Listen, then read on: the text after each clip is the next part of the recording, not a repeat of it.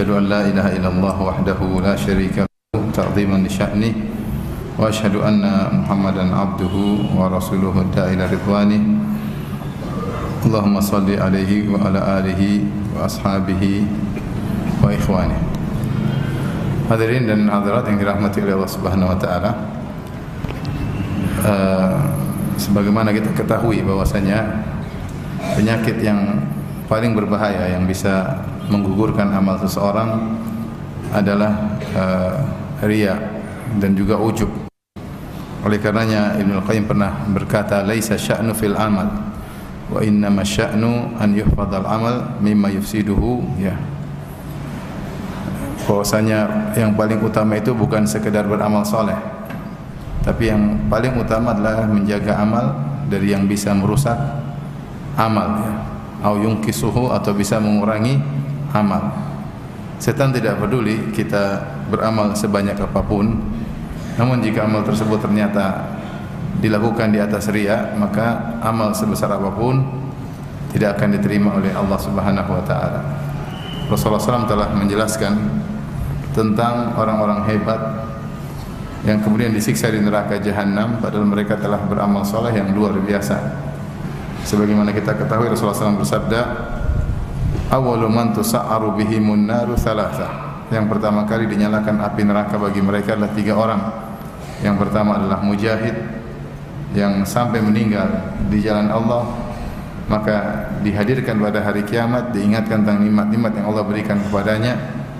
Maka Allah bertanya mama amilta fiha? Apa yang kau lakukan dengan nikmat-nikmat tersebut? Kata dia qataltu fika hatta tushhid aku berperang di jalanmu sampai aku mati syahid kata Allah kadzabta walakin liyaqal annaka jari kau dusta tetapi kau berperang supaya dikatakan kau adalah pemberani kau adalah jagoan kau adalah pahlawan wa qad dan tujuanmu telah dikabulkan demikian juga Orang kedua, rajulun ta'allama al-ilma wa 'allamahu wa qara'al Qur'an. Yang kedua ustaz yang belajar ilmu ilmu agama, belajar Al-Qur'an dan dia mengajarkan ilmu dan dia mengajarkan Al-Qur'an. Maka pada hari kiamat kelak Allah hadirkan dia. Hidupnya susah payah belajar dan mengajar. Hidupnya dipenuhi dengan belajar dan mengajar. Ya, maka ketika di hari kiamat Allah hadirkan kemudian Allah bertanya kepadanya Mama amil tafiha apa yang kau lakukan dengan nikmat yang aku berikan padamu kecerdasan kepandaian berorasi hafalan yang kuat suara yang indah kata dia qara'tu fikal qur'ana wa 'allamtuh aku baca Al-Qur'an karena engkau ya Allah dan aku mengajarkannya juga karena engkau ya Allah. Kata Allah kadzabta walakin yuqal annaka qari. Kau dusta. Kau melakukannya supaya kau dikatakan ahli baca Quran. Atau liqal annaka alim supaya dikatakan kau adalah orang yang ahli ilmu. Orang hebat dalam ilmu. Wa qad dan tujuanmu telah dikabulkan. Semua orang kenal engkau ahli Quran. Thumma umira bihi fasawhi ala wajhi hatta ulqiya fin nar. Kemudian Allah perintahkan malaikat menggeret wajahnya sampai dilemparkan dalam neraka jahanam yang ketiga rajulun atahu Allahul min asnafil mali kulli. Seorang diberikan seluruh jenis harta kepadanya selama di dunia. Maka ketika hari kiamat dihadirkan Allah ingatkan nikmat-nikmat yang Allah berikan kepadanya kemudian pertanyaannya wa ma amil tafiha apa yang kau lakukan dengan nikmat tersebut? Kata dia ma taraktu min sabilin yuhibbu tuhibbu an yunfaqa fiha illa anfaqtu fiha tidak ada satu jalan kebaikan pun yang kau suka aku berinfak di situ kecuali aku berinfak karena engkau ya Allah kata Allah kadzabta kau dusta walakin yuqal annaka jawad tapi kau melakukannya supaya kau dikatakan sebagai orang yang dermawan dan kedekil dan telah dikatakan. Ini contoh tiga orang yang seandainya mereka ikhlas karena Allah, tentunya mereka menjadi orang yang terbaik. Siapa yang ragu tentang pahala orang yang berjihad di jalan Allah? Siapa yang ragu tentang pahala orang yang mengamalkan Al-Quran dan mengajarkannya? Kata Nabi khairukum man ta'allama Al-Qur'ana wa 'allam. Sebaik-baik kalian adalah yang belajar Quran dan mengajarkannya. Ya. Siapa yang ragu tentang dermawan yang kata Nabi sallallahu alaihi wasallam la hasada illa fitnatain. Tidak ada hasad kecuali kepada kedua orang. Yang, yang pertama kepada alim ulama, yang kedua kepada rajulun atahullahul mal wa huwa yusallitu ala halakati fil haq. Yang kedua yang patut kita hasati yaitu kita ingin seperti dia adalah orang yang Allah berikan harta kemudian dia gunakan untuk di jalan Allah. Ini orang-orang hebat semuanya. Dan mereka untuk bisa menjadi tiga orang ini, mereka semuanya butuh perjuangan. Tetapi ketika niat mereka bukan karena Allah, maka jadilah mereka orang yang pertama kali diadab pada hari kiamat kelak. Makanya benar perkataan Ibnu Qayyim, "Laisa sya'nu fil amal." Bukan yang penting beramal, wa innama sya'nu an yuhfadzal amal mimma yuhbituhu au yufsiduhu. Tetapi yang paling penting adalah menjaga amal dari hal-hal yang bisa menggugurkannya dan bisa merusaknya. Maka inilah penyakit riya yang sangat ditakuti oleh para salaf terdahulu. Para salaf mereka tentu Dek, dek, duduk, dek. Para salaf dahulu mereka sangat bertakwa kepada Allah Subhanahu wa taala. Tentu sangat jauh dengan kita. Dan mereka tidak pede dengan maksudnya tidak pede dengan keikhlasan kalau saya pamer-pamer saya tetap ikhlas. Mereka tidak demikian. Ya. Tapi mereka justru waspada dengan bahaya riya. Padahal keikhlasan mereka, takwa mereka luar biasa. Ya, artinya kalau mereka pamerkan amal mereka, mereka tidak merasa aman bahwasanya mereka tidak bakalan ria. Mereka tidak merasa aman. Mereka tetap khawatir mereka ria padahal mereka ibadahnya luar biasa. Sehingga mereka bersusah payah untuk menyembunyikan amal soleh. Cukuplah pengakuan Sufyan Ats-Tsauri rahimahullahu taala ahli hadis, ahli fikih ya, alim ulama yang dia berkata ma alajtu syai'an ya. Asyadda alayya min niyyati li'annaha tataqallabu alayya. Aku tidak pernah berhadapan dengan sesuatu yang paling berat atasku seperti menghadapi niatku. Kenapa? Karena niatku suka berubah-ubah. Ini bukan orang jalan yang ngomong bukan orang yang baru ngaji bukan. Ini alim ulama yang bicara yang perawi hadis. Yang dia khawatir kalau dia menunjukkan amalnya dia bisa terjerumus dalam dalam riya oleh karenanya kita dapati mereka para salaf mereka bersusah payah untuk menyembunyikan amal soleh mereka. Di antaranya misalnya contoh sederhana seperti Zainal Abidin. Zainal Abidin yaitu Ali ibn al Husain bin Ali bin Abi Talib radhiyallahu taala anhu. Yaitu anaknya Al Husain.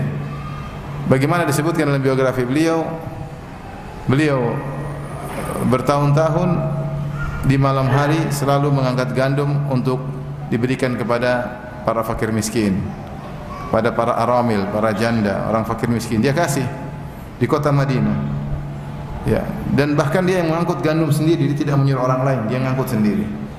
Dia mengayomi berapa banyak keluarga. Baru ketahuan kapan? Ketika dia meninggal dunia. Selama ini tidak ada yang tahu dari mana harta tersebut. Dari mana gandum tersebut ketika dia meninggal dunia baru ketahuan ternyata bantuan berhenti. Tidak ada lagi yang memberi bantuan. Ternyata ini orangnya. Ternyata ketika dimandikan dilihat bekas hitam di pundaknya. Berarti selama ini dia yang memikul apa? Gandum. Subhanallah. Ini bukan orang sembarang, ini orang soleh. Tapi dia menyembunyikan amalnya dan dia tidak menceritakan kepada siapa pun.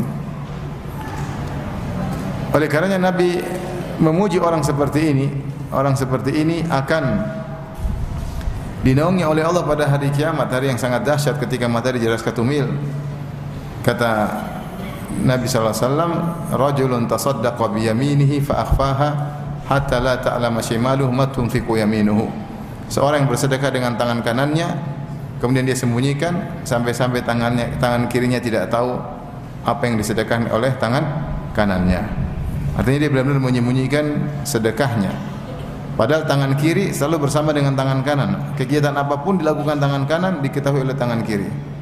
Tapi ketika tangan kanan bersedekah, tangan kiri tidak tidak tahu. Berarti dia benar-benar menyembunyikan sampai teman terdekatnya tidak tahu bahwasanya dia telah bersedekah. Ini contoh Zainal Abidin yang menyembunyikan amal solehnya.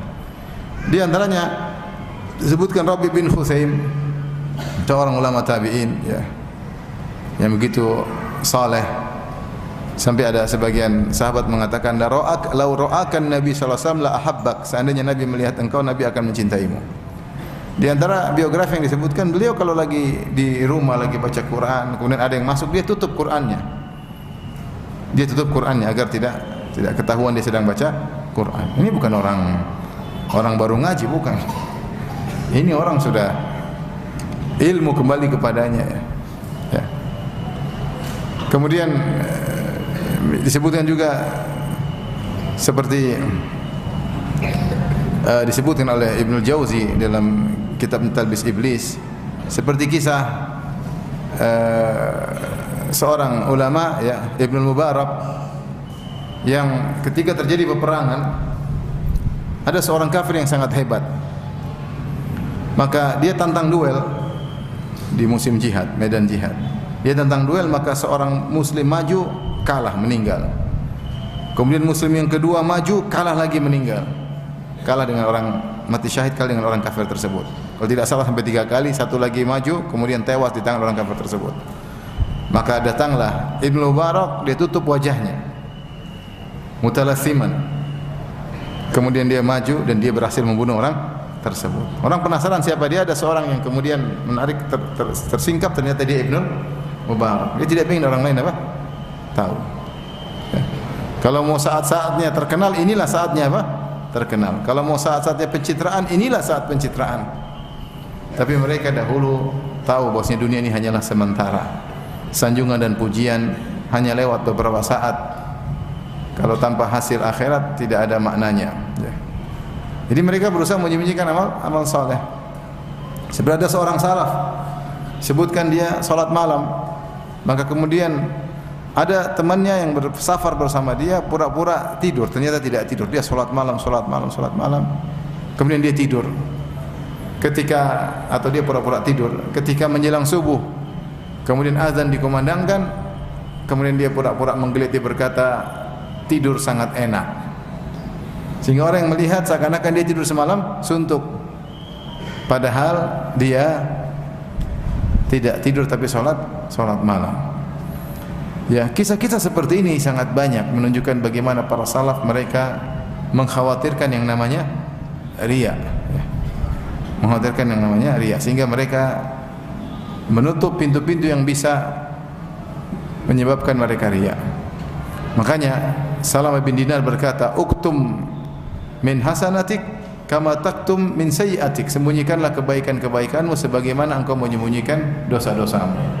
Sebagaimana kau tidak ingin dosa-dosamu diketahui orang, maka sembunyikanlah kebaikan-kebaikanmu. Biarlah hanya Allah yang mengetahui. Nah, itu zaman generasi salaf. Ya. Bahkan antara cerita seorang salaf yang dia puasa tidak ada yang tahu. Dia pergi keluar ya. Dia bilang istrinya siapkan sahur, eh, siapkan makanan iftar. Kemudian dia kerja padahal dia berpuasa. Sampai di pasar dia bagikan makanan tersebut. Kemudian dia pulang maghrib seakan-akan makan malam. Padahal dia buka puasa. Dan itu ber, ber, bertahun-tahun berjalan. Istrinya tidak tahu kalau dia senantiasa sering, sering puasa subhanallah dia bagaimana jangankan menutup amal soleh dari orang istrinya pun dia berusaha tutup amal dari istrinya ini para salaf dahulu Coba kita lihat generasi kita sekarang. PD kalau menampakkan amal seakan-akan tidak apa? Ria, PD. Bahkan bersusah payah agar amalnya diketahui oleh orang banyak. Bergaya inilah, ada tim tukang fotonya lah. Subhanallah. Untuk memamerkan kehebatan, memamerkan kesolehan. Yang para salaf dahulu berusaha menyembunyikan amal soleh mereka sebisa mungkin. Oleh karenanya ikhwan dan akhwat yang rahmati Allah Subhanahu wa taala, jangan sampai kita terpedaya dengan ingin disanjung oleh orang kemudian kita membiarkan diri kita terjerumus dalam dalam riya. Dalam riya.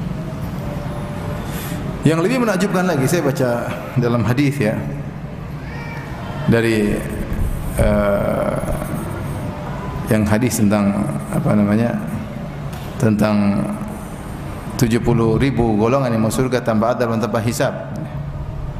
Dari Imran bin Hussein dia mengatakan kuntu inda Said bin Jubair faqala ayyukum ra'al kawkab alladhi inqadha al-bariha qultu ana walakinni lam akun fi salatin. Walakinni ludiktu. Suatu hari mereka ngobrol di sisi Sa'id bin Jubair radhiyallahu anhu eh, atau rahimahullah muridnya Ibnu Abbas. Kemudian Sa'id bin Jubair berkata siapa di antara kalian yang semalam melihat bintang jatuh?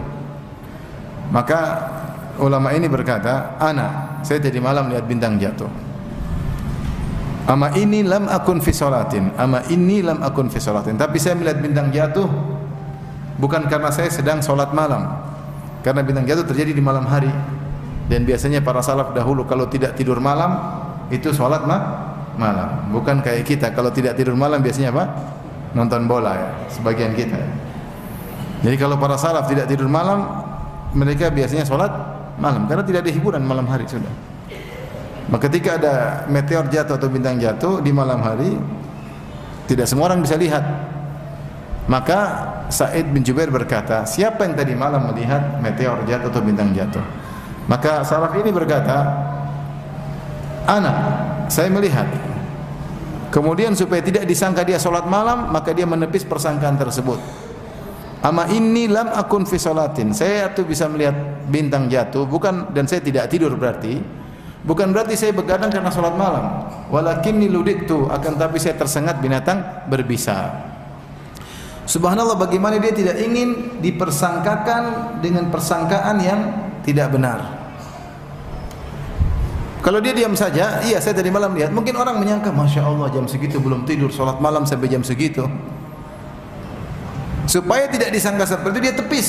Dia mengatakan saya itu tidak tidur bukan karena sholat malam, tapi karena saya tidak bisa tidur karena sedang sakit, tersengat sengatan binatang berbisa.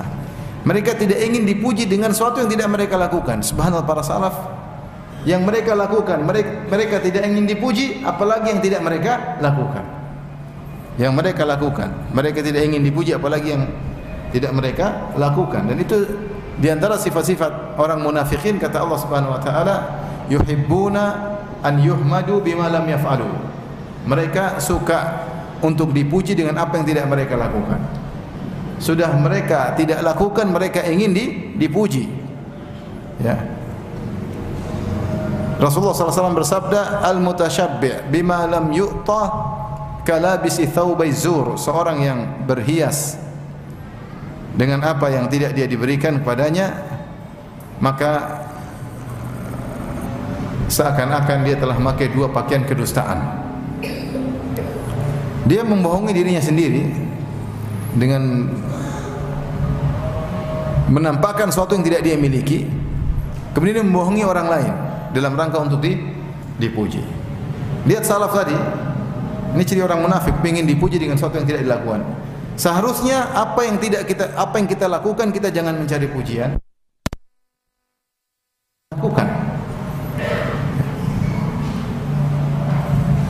Syekh Muhammad bin Shalih Al-Utsaimin rahimahullah sebagaimana saya dengar cerita dari Syekh Abdul Razak hafizahullah taala beliau cerita suatu ketika Syekh Muhammad bin Shalih Al-Utsaimin rahimahullah datang ke UIM Universitas Islam Madinah kalau saya tidak salah ingat cerita yang demikian. Kemudian dia ingin beri pengajian. Dia ingin beri pengajian. Maka yang menjadi moderator Syekh Abdul Razak. Kemudian Syekh Abdul Razak memuji, dia mengatakan akan menyampaikan pengajian al-allama. Al-allama itu orang yang sangat alim. Maka spontan Syekh Utsaimin mengatakan uskut, diam. Dia tidak nyaman ketika dibilang al-allama, orang yang sangat alim. Dipuji di depan mahasiswa. Saya mengatakan diam. Langsung spontanitas. Padahal kalau kita bilang dia alama orang sangat alim wajar. Siapa yang tidak tahu keilmuan Syekh Al Utsaimin tahqiq tahqiqnya luar biasa. Tapi ketika dia alama dia bilang diam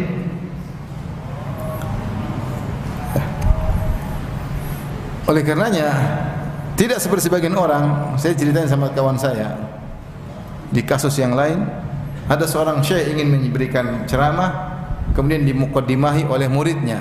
Maka muridnya muji-muji syekhnya inilah guru kami inilah dia begini inilah inilah akhirnya ada murid yang lain menegur kata dia akhi tidak usah akhi puji-puji seperti itu kata syekhnya biarin biarin aja Dia tidak menginginkan kecuali kebaikan. Biarin aja. Jadi nyaman ketika di dipuji. Ada seorang kemudian dipuji oleh orang lain. Engkau adalah wali, engkau adalah wali, engkau adalah wali kutub, engkau adalah super wali gampangannya. Kalau wali kutub itu topnya wali. Dan dia hanya tersenyum, nyaman dengan apa? Pujian tersebut. Ya, akhi yang tahu ente wali siapa? Apalagi super wali. Seharusnya tegur, jangan mengatakan demikian. Jangan mengatakan apa? Demikian. Kata anilah hafiz Quran, hafiz hadis ternyata misalnya tidak hafiz, hafal yang sering salah. Ya sudah kita tidak usah puji-pujian seperti itu. Ya. Oleh karenanya demikianlah para salaf dahulu mereka benar-benar menyembunyikan amal soleh mereka dan mereka tidak ingin dipuji tentang apa yang mereka lakukan apalagi yang tidak mereka lakukan. Mereka tidak ingin dianggap dengan sesuatu yang lebih ya dari yang hakikatnya ya. Zaman sekarang ini banyak orang menggambarkan pada orang lain hakikat dia lebih daripada hakikat dia. Seakan-akan dia begini, seakan-akan dia begini. Kalau kita tes enggak, enggak seperti itu. Cuma dia membiarkan orang menyangka dirinya hebat. Dia membiarkan. Tidak dia tegur. Kenapa? Dia nyaman. Ini namanya ingin dipuji dengan apa yang tidak dia miliki. Waliyadzubillah. Ini sifat orang munafik. Hati-hati. Taib ikhwan dan akhwat yang rahmati Allah Subhanahu wa taala. Syaitan ya selalu bekerja keras bagaimana amal seorang bisa gugur. Amal seorang bisa bisa gugur. Pertama dengan menjerumuskan orang tersebut ke dalam ria. Kalau dia ria maka amal soleh dia akan gugur.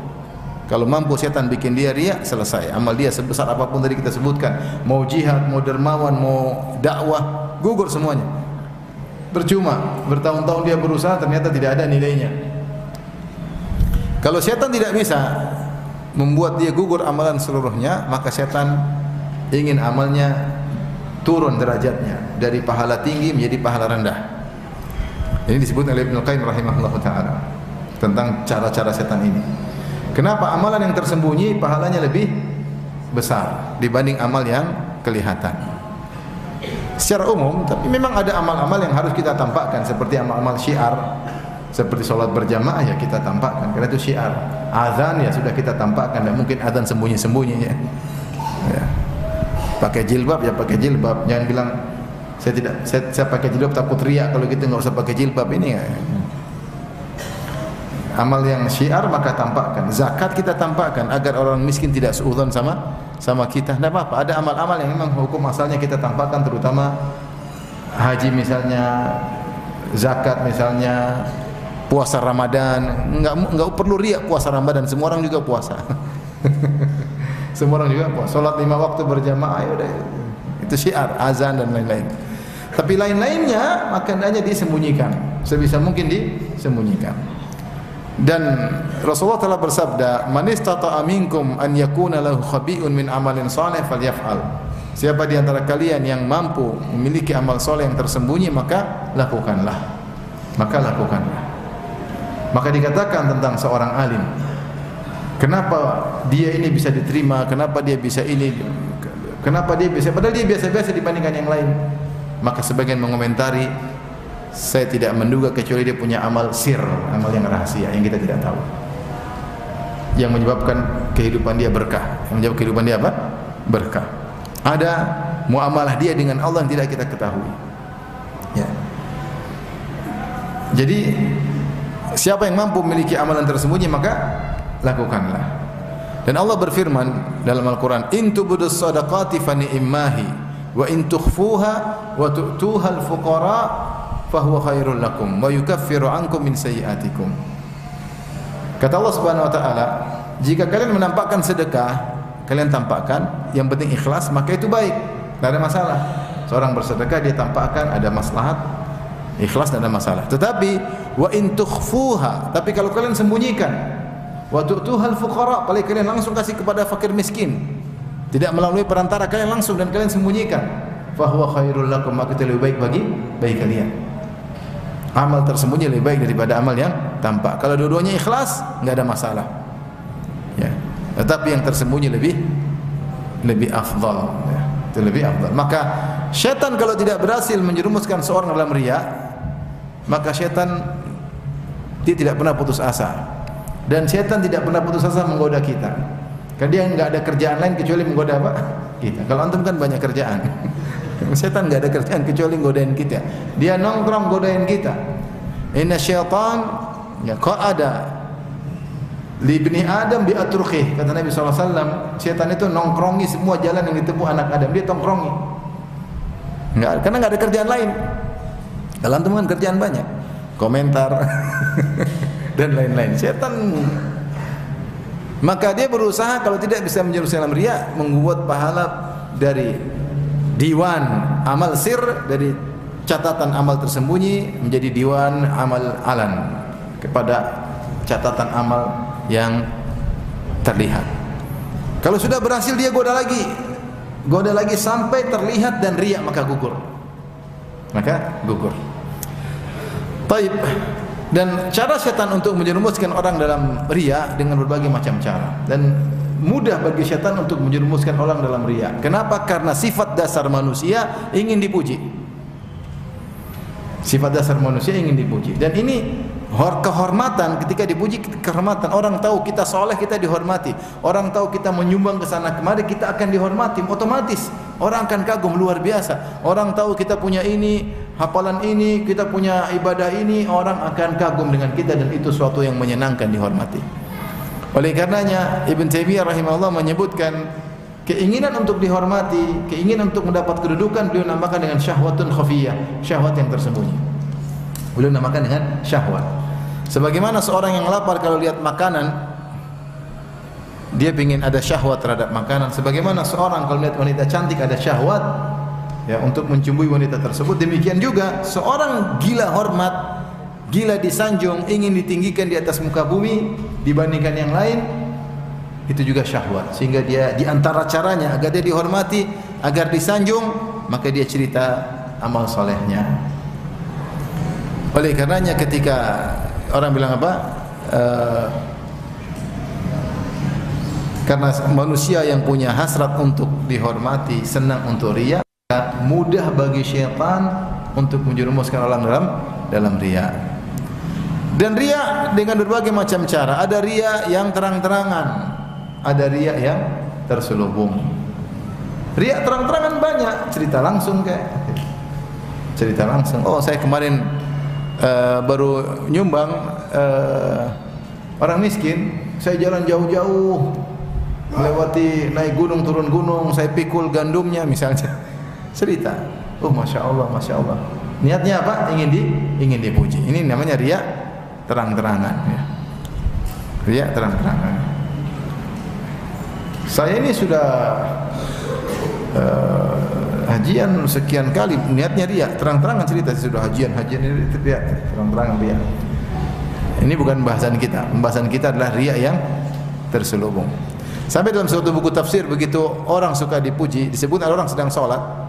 Ketika kita sedang sholat terus ada temannya duduk bercerita tentang dia kepada teman yang lain. Si A sedang sholat, si B duduk cerita kepada si C tentang si A. Si B bilang sama si C, A ini luar biasa, dia tuh begini, begini, begini. Si A bahagia, dia sambil sholat dia dengar. Tapi ternyata ada yang kurang diceritain. Dia ngomong, saya juga begini, saya juga begini. Kurang lengkap ceritanya. Kenapa? Karena saking ingin di, dipuji. Ini karena yang kita bicarakan sekarang adalah riak terselubung. Ada beberapa contoh riak terselubung. Saya hanya sebutkan sebagai contoh. Setelah itu masing-masing menganalogikan sendiri. Jangan sampai terjerumus dalam riak terang-terangan maupun riak yang terselubung. Ya. Namun sebelum saya sebutkan, saya ingatkan ikhwan, sungguhnya orang kalau riak harusnya dia sadar. Karena dalam diri kita ini alhamdulillah masih ada sinyal, signal yang kuat. Yang Allah sebutkan dengan nama nafsul lawamah. Kata Allah la uqsimu bihadzal biyaumil qiyamah. La uqsimu biyaumil qiyamah wala uqsimu bil nafsil lawwamah. Sungguh aku bersumpah dengan hari kiamat dan sungguh aku bersumpah dengan jiwa yang suka mencela. Kata para ulama apa yang dimaksud dengan jiwa yang suka mencela yaitu jiwa yang mencela ketika kita melakukan apa? maksiat, membuat kita gelisah. Kenapa kau lakukan demikian? Buat kita menyesal itu namanya jiwa yang suka mencela. Ini jiwa yang bagus. Di antaranya kalau kita mau maksiat terkadang deg-degan itu jiwa yang bagus. Di antaranya kalau kita mau riak, jiwa itu kasih tahu, kau itu mau sombong, kau itu mau riak, kau itu mau pamer. Kita tahu sebenarnya. Tapi kita lanjut aja. Kenapa di balik cerita ini ada penghormatan, ada pengakuan dan pengakuan itu kelezatan yang luar biasa. Diakui orang itu kelezatan yang luar luar biasa. Maka kalau kita mau jujur, sebenarnya kalau kita mau riak ada signal. Ini mau riak nih, kamu mau cerita maunya apa nih? Tujuanmu apa cerita? Kita tahu tapi kita lanjut aja. Maka waspada jika kita mau cerita sesuatu atau menyampaikan sesuatu nampak di balik cerita itu kita ingin pamer, kita ingin ria, maka berhenti. Ceritakanlah dengan lafal yang berbeda. Ceritakan dengan lafal yang berbeda. Dan begitulah kita bermuamalah dengan niat kita dan Allah tahu bagaimana hati kita ketika bergejolak kita mau cerita ini kayaknya ria ini sudah. Tidak usah cerita atau cerita dengan cara yang yang berbeda. Ya. Subhanallah. Di antara contoh yang menakjubkan yang saya lihat di di alam nyata Syekh Abdul Razak fidahullah taala. Artinya saya diberi anugerah berapa lama sering bersama beliau, sering safar beliau. Beliau tidak pernah cerita masalah yang beliau tidak pernah. Dan saya dengar dari orang lain. Saya dengar dari orang orang lain. Tidak pernah cerita ke sana ke sini ke sana ke sini begini enggak enggak ada cerita nggak ada cerita. Sampai tidak ada hal yang menakjubkan di antara hal yang menakjubkan. Suatu hari saya mau terjemah ceramah beliau. Kami keluar di masjid, kemudian dia bilang, "Firanda, isbaqni di luar." Saya jalan. Ada orang mau ketemu beliau. Sambil jalan saya tengok ke belakang. Tiba-tiba yang mau ketemu beliau adalah Syekh Saleh Suhaimi, hafizahullah. Guru beliau, guru Syekh Abdul Razak. Yang saya Saleh Suhaim ini ketika munakashah dia muji Syekh Abdul Razak. Dia bilang ini murid kami tapi sudah ungguli kami. Bahkan dia ngajarkan buku Syekh Abdul Razak di Masjid Nabawi. Dia juga pengajar Syekh Abdul Razak pengajar di Masjid Nabawi, Syekh Saleh Suhaim juga pengajar di Masjid apa? Nabawi. Dan dia terkadang berapa kali ngajar buku Syekh. Kemudian saya jalan, saya lihat Syekh ngobrol sama dia dari jauh. Ternyata dia minta buku dalam bentuk word mungkin untuk diajarkan di Masjid Nabawi. Tapi saya tunggu akhirnya Syekh datang. Uh, terus Syekh bilang apa? Afwan Firanda tadi ada orang perlu sama saya. Gitu aja. Seandainya kita di posisi Syekh, kita bilang, "Oh, tadi itu guru saya. Sekarang dia belajar dari saya." Sekarang dia pinjam, dia bahkan ngajar buku saya. Kesempatan untuk pamer nggak? Luar biasa. Tapi dia cuma bilang tadi ada orang perlu sama saya selesai. Dia minta uzur dari saya terlambat. Maksudnya ada celah-celah untuk pamer? Tidak ada. Ngapain mengharap pujian dari orang namanya Firanda percuma? Apa faedahnya? Kalau saya puji saya terus apa faedahnya? Terus saya tahu ternyata itu saya tahu dari sekretarisnya ternyata itu ini untuk diajarkan. Maksud saya subhanallah ya. Banyak hal yang saya mau ceritakan tapi beliau masih hidup jadi saya tidak mau cerita. jadi intinya ikhwan eh, hati-hati uh, ya. Hati-hati dengan pintu-pintu riak terselubung hati-hati. Setan sangat halus, sangat pintar. Tidaklah seorang Selamat dari satu riak kecuali setan datang dengan warna yang baru yang seorang bisa terjerumus dalam warna tersebut. Tapi saya akan sebutkan beberapa. Di antara contohnya adalah sebagaimana disebut oleh Syekhul Islam Ibnu Taimiyah rahimahullahu taala seorang menggibah orang lain dan secara include dia memuji dirinya sendiri. Contoh, contoh dia berkata begini, ah si fulan itu kalau sholat subuh nggak pernah kelihatan di masjid misalnya. Kalau sholat subuh nggak pernah kelihatan di masjid. Apa yang antum pahami? Yang antum pahami berarti dia selalu sholat subuh di masjid. Faham? Dia memuji dirinya dengan mencela orang lain. Dia tidak mengatakan kalau saya selalu di masjid enggak, tapi cukup dia bilang si fulan itu enggak pernah kelihatan di masjid. Salat subuh enggak pernah kelihatan di masjid. Orang pahami dia tidak pernah ketinggalan salat subuh di masjid. Ini contoh, ini riak plus. Riak plus gibah. Riak plus apa? Gibah. Dan riak terselubung. Kalau dia bilang, adapun saya selalu salat subuh di masjid, ini riak terang-terangan. Dia tidak ingin dibilang orang riak. Jadi dia riak tapi tidak mau dibilang apa? Riak. Seperti orang sombong tapi tidak mau dibilang sombong. Dia bilang, saya mau cerita tapi bukannya saya sombong ya. Dia tahu kalau dia cerita begini terkesan sombong maka dia tepis dia mengatakan bukannya saya sombong. Padahal dia som sedang sombong. Nah ini ceritanya dia sebutkan kejelekan orang lain supaya dia dipuji dengan cara yang sangat halus. Ya. Subhanallah ini luar biasa ya. Dia bilang si fulan tidak pernah ke masjid salat subuh. Saya tidak pernah lihat dia di di masjid. Ini contoh ria terselubung. Contoh yang lain ria terselubung disebutkan oleh Ibnu Jauzi dalam kitabnya Talbis Iblis. Ketika ada orang misalnya di hari Kamis Kemudian dia diundang ke rumah untuk makan-makan. Kemudian temannya bilang, "Ayo silakan makan." Maka dia bilang, "Emang ini hari apa?" Hari Kamis. Tahu kan kalau hari Kamis? Oh iya lupa lupa, masya Allah. Kata Ibnu Jauzi rahimahullah taala, lebih baik dia bilang saya sedang puasa. Titik itu lebih baik.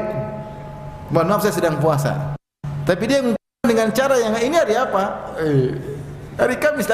Kamis kenapa? Eh, jadi mengesankan dia selalu setiap hari Kamis apa? Puasa. Ini riak terselubung. Harusnya dia bilang aja, ya, ya saya lagi puasa, Allah saya lagi puasa, mohon maaf. Tidak usah bilang ini hari apa. Nanti hari Senin juga bilang ini hari apa? Hari Senin. Emang kenapa? Lah hari Senin emang kenapa? Ya. Jadi mengesankan dia adalah orang yang apa? Rajin puasa sunnah Senin Kamis. Ini contoh ya terselubung.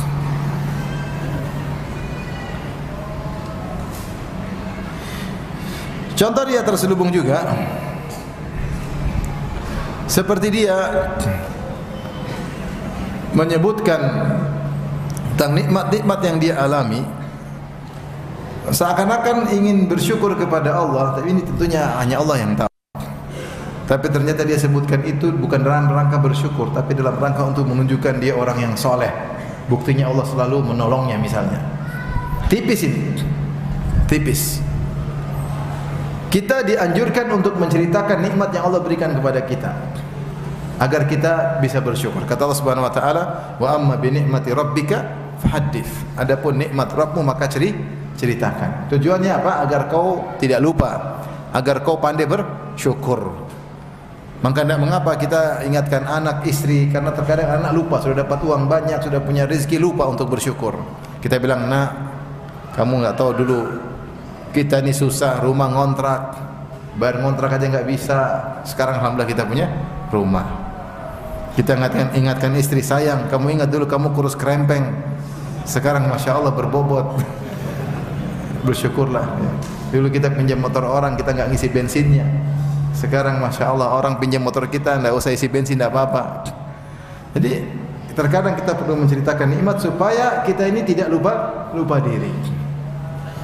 Karena syukur tidak mudah. Oleh karena di antara cerita tentang uh, Uwais Al-Qarani, Uwais Al-Qarani karena bihi baras. Dulu dia penyakit punya penyakit baras ke seluruh tubuhnya, warna putih, albino.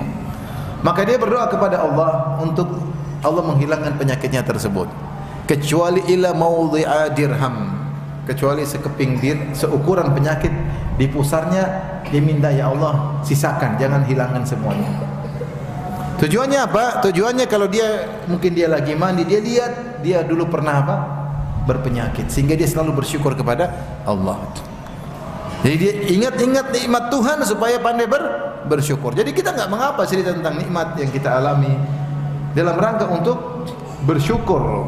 Tapi hati-hati, terkadang orang menceritakan nikmat-nikmat yang dia alami untuk menunjukkan saya orang soleh. Saya ini wali Allah, saya ini, saya ini, saya ini. Hati-hati. Di balik kita tersebut ada ada riya. Kita ingat, ini kita pembahasan ini kita bukan untuk menuduh orang lain, kita untuk introspeksi diri. Waspada. Waspada. Karena seorang terkadang menceritakan nikmat, oh kalau saya begini, Allah segini, bukan untuk bersyukur, tapi menunjukkan kepada orang saya ini adalah wali Allah atau pilihan Allah dan dan lain-lainnya. Hati-hati ini namanya riya terselubung. Waspada ya. Sebagian orang didukil oleh Al-Munawi. Ini contoh yang keempat.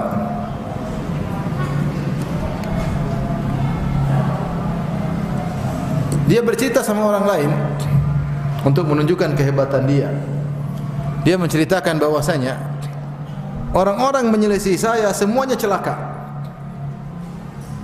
Orang-orang menyelisih saya semuanya apa? Celaka seakan-akan dia telah dibela oleh Allah seakan-akan dia orang benar. Semua yang menyelisih saya semuanya celaka. Ada yang matinya begini ada yang matinya begitu ada yang matinya begini.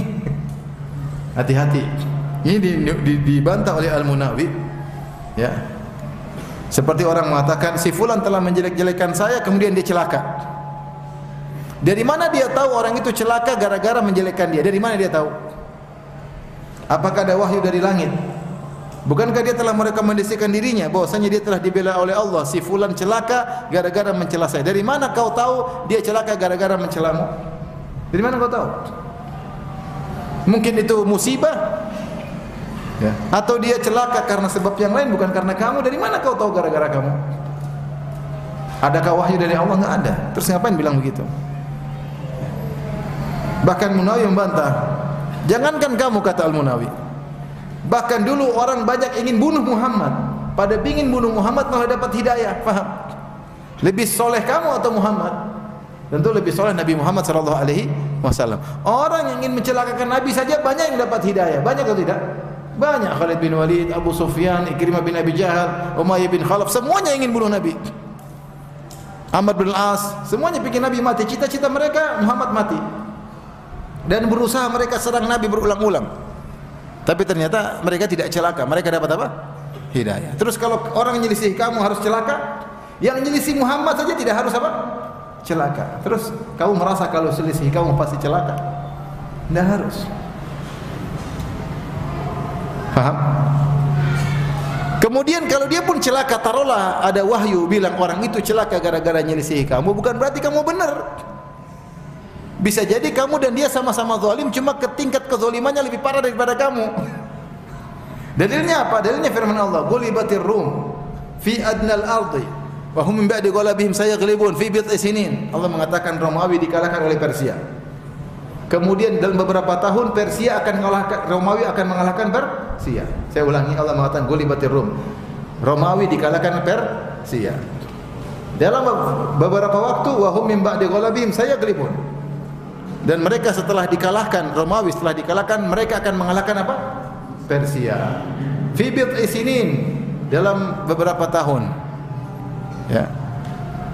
Lillahil amru min qablu min ba'du. Ya. Wa yauma idzin yafrahul mu'minun. Taib. Persia sama Romawi sama-sama musyrik enggak? Romawi Nasara, Persia Majusi. Sama-sama musyrik enggak? Bukan berarti kalau Romawi menang berarti Romawi benar. Sama-sama musyrik. Cuma kemusyrikan Majusi lebih parah daripada kemusyrikan apa? Romawi. Maksud saya kalaupun kalaupun ada orang taruhlah dia celaka gara-gara mendolimimu, bukan berarti kamu berarti pasti orang baik. Bisa jadi sama-sama buruk, cuma tingkat keburukan dia lebih apa? Parah. Itu pun nggak ada dalilnya bahwasanya dia celaka gara-gara kamu. Nanti kadang orang seorang saya dengar dia ngomong gitu gara-gara nyelisih saya maka dia begini maka dia begini. Subhanallah. Ente wali bagaimana padahal banyak yang menyelisih dia aman-aman saja. Banyak tapi dia tidak cerita. Paham banyak yang menyelisih dia aman-aman saja. Dia tidak cerita. Subhanallah maksud saya sampai para ulama begitu detail membahas tentang masalah ini. Ini dibantah oleh Al-Munawi dalam bukunya Tayyib di antara contoh dia terselubung misalnya misalnya. Seseorang memuji dirinya dalam apa namanya casing yang samar. Dia mengatakan begini misalnya. Dia bilang masya Allah uh, saya pergi kemarin ngisi di tempat itu. Yang hadir ramai sekali. Masya Allah dakwah sudah berkembang sunnah. Ini kan bagus kita dengar indah. Orang gembira dengan terbanyak tersebarnya sunnah. Tapi ternyata dia ingin menyampaikan mereka datang karena saya saya pengikutnya banyak. Hati-hati. Tipis. Jangan kita dua orang. Saya tidak bikin pengajian cuma dua orang tapi untuk curigai diri sen sendiri. Saya tentu masukkan riak dengan cara halus. Ya. Dulu ada guru saya dia bilang masya Allah kemarin saya ngisi penuh masjid. Masya Allah Ustaz. Iya penuh angin kata dia. Yang hadir sedikit hati-hati. Rame kemudian shooting pakai drone menunjukkan bagaimana. Hati-hati yang penting hati-hati. Apa yang kau maksudkan dengan hal tersebut? Maka saya sampaikan kepada kawan-kawan para dai atau para penggiat dakwah hati-hati ya. Hati-hati pintu-pintu ria itu sangat banyak. Dan jangan kita terjebak ria gara-gara murid kita gara-gara audiens ya. kalau kita tahu ada yang ingin melebih-lebihkan kita kita tegur dia. Ini nggak usah begitu. Saya biasa-biasa aja. Jangan malah kita laikin like ya. Misalnya guru ada murid saya bilang inilah Ustaz Firanda kalau apa namanya kalau setiap duha selalu kebiasaannya sholat duha misalnya. Terus di shooting saya lagi apa? Sholat duha. Jangan saya like dia. Harusnya saya tegur. Ngapain gitu-gitu? Ngapain gitu-gitu nanti takut takut ria, takut amal saya terhapus gara-gara kamu. Paham? Gara-gara kamu. Nah, maksudnya kita mencegah. Meskipun mungkin kita enggak ria, tapi kita mencegah. Misalnya ada lagi yang datang, misalnya. Ustaz, dulu bagaimana cerita Ustaz tentang menuntut ilmu? Podcast Ustaz. Ini sarana kita untuk menceritakan amal soleh kita di masa di masa lalu. Jangan terjebak. Enggak usah. Ya, kalau kita bicara cuma beberapa orang murid-murid, tapi kalau depan umum hati-hati. Pintu riak sangat mudah ter terbuka. Ingat, saya bilang ini bukan menuduh ya. Saya bilang kita masing-masing introspeksi diri. Ya. Jangan sampai akhirnya kita menceritakan masalah kita yang indah yang harusnya dalam diwan amal sir, dalam catatan amal tersembunyi malah ter terungkap. Jangan coba-coba cerita menunjukkan anda hebat. Semua kehebatan dari siapa? Allah Subhanahu wa taala. Jadi tidak perlu kita membranding diri kita sendiri. Tidak perlu kita membranding diri kita sendiri. Kalau Allah sudah mengetahui sudah selesai. Sebagian orang membranding dirinya sendiri waliyadzubillah ya, bahkan melakukan sesuatu yang dia tidak miliki dan itu banyak contohnya namun tidak perlu kita sampaikan di di sini. Semoga Allah menyelamatkan kita dari penyakit riak ya. Ketahuilah kalau kita meninggal dunia maka semua amal soleh yang tidak ikhlas semuanya minggir. Ya. Bahkan hanya menjadi celaka bagi kita. Yang menemani kita di kuburan dengan pertemanan yang bermanfaat hanyalah amal amal soleh. Kalau kita sembunyikan amal soleh kita, kemungkinan riak kecil, kecil. Tidak usah cerita. Anda berbakti sama orang tua enggak usah cerita. Enggak usah cerita, enggak usah kasih isyarat sama siapa pun enggak usah. Anda ingin diakui oleh teman Anda? Ingin diakui oleh netizen? Kenapa? Anda bahagia kalau dipuji sama netizen? Gantungkan kebahagiaan Anda kepada Allah, bukan sama netizen. Anda baik sama orang tua, berbakti tidak usah cerita. Berbakti itu amal soleh yang luar biasa. Anda baik sama istri, enggak usah cerita. Saya kalau sama istri saya begini-begini enggak perlu. Cukup Allah yang yang tahu. Kalau ente ngomelin istri juga ente enggak cerita.